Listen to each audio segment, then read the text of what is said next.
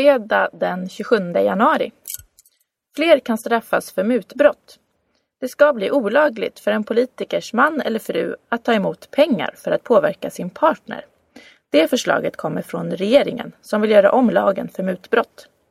Lagen är över 30 år gammal och känd för att vara krånglig. Där finns bland annat en lista med yrken som kan dömas för mutbrott. Men i det nya lagförslaget ska listan göras om och handla om grupper, till exempel frilansjournalister och andra egenföretagare. Nu blir det tydligare vilka grupper av personer som kan dömas, säger justitieminister Beatrice Ask. 8 sidor TT. Fångar torteras i Libyen. Tusentals människor sitter i fängelse efter kriget i Libyen. Det är människor som stödde den förre ledaren Gaddafi. De har gripits av olika rebellgrupper. De här fångarna behandlas mycket illa. Många blir misshandlade och torterade, säger människorättsgruppen Amnesty. Det har inte blivit bättre. Det har inte gjorts någonting för att stoppa tortyren i fängelserna, säger Donatella Rovera på Amnesty. 8 sidor TT. Krogvakt dömd till fängelse. Tolv ordningsvakter i Göteborg åtalades tidigare i år för misshandel. Åklagaren sa att männen gång på gång misshandlade gäster på den krog där de arbetade. Nu har det varit rättegång.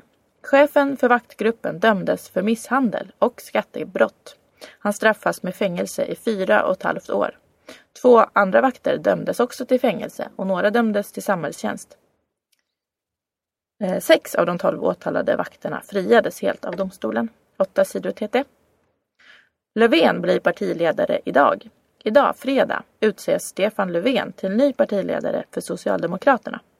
Men nyheten avslöjades redan på torsdagen. Det var Stefan Löfvens mamma hemma i Undrom i Västernorrland som råkade avslöja hemligheten. Det går ju inte att hålla tyst om något för tidningarna, sa mamma Iris. Många socialdemokrater berömmer Stefan Löfven och tror att han är rätt man att leda partiet. Men Löfven var inte första namnet på partiledningens önskelista, skriver Svenska Dagbladet.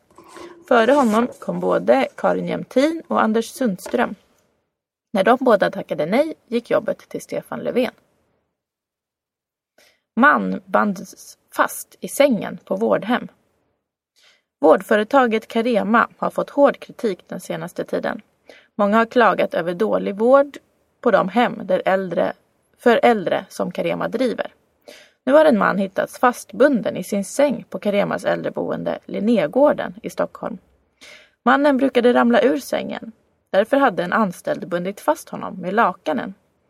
Den anställde var ensam på en avdelning med 15 psyksjuka patienter på natten. Den bundne mannen var förtvivlad och skrek.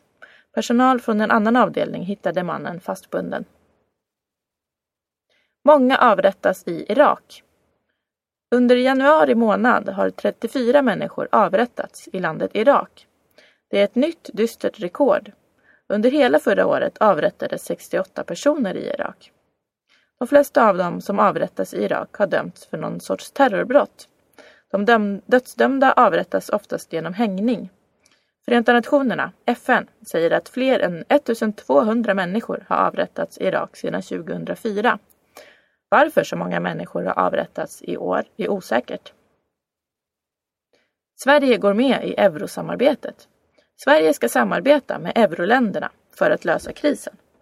Det är regeringen och Socialdemokraterna överens om. Flera euroländer är i ekonomisk kris. De har lånat för mycket pengar och kan inte betala sina lån. Länderna behöver hjälp. För att rädda euron vill EU att alla EU-länder ska gå med på nya lagar för ekonomin. Länderna som inte har euro har varit tveksamma till de nya reglerna. Men nu har Sverige bestämt sig för att vara med i samarbetet. Socialdemokraterna har ändrat sig och sagt ja. Regeringen och Socialdemokraterna säger att det är viktigt att Sverige får vara med och diskutera EUs framtid. Vänsterpartiet och Miljöpartiet tycker att det är fel att Sverige är med i samarbetet. De tror att Sverige kan tvingas in införa euro.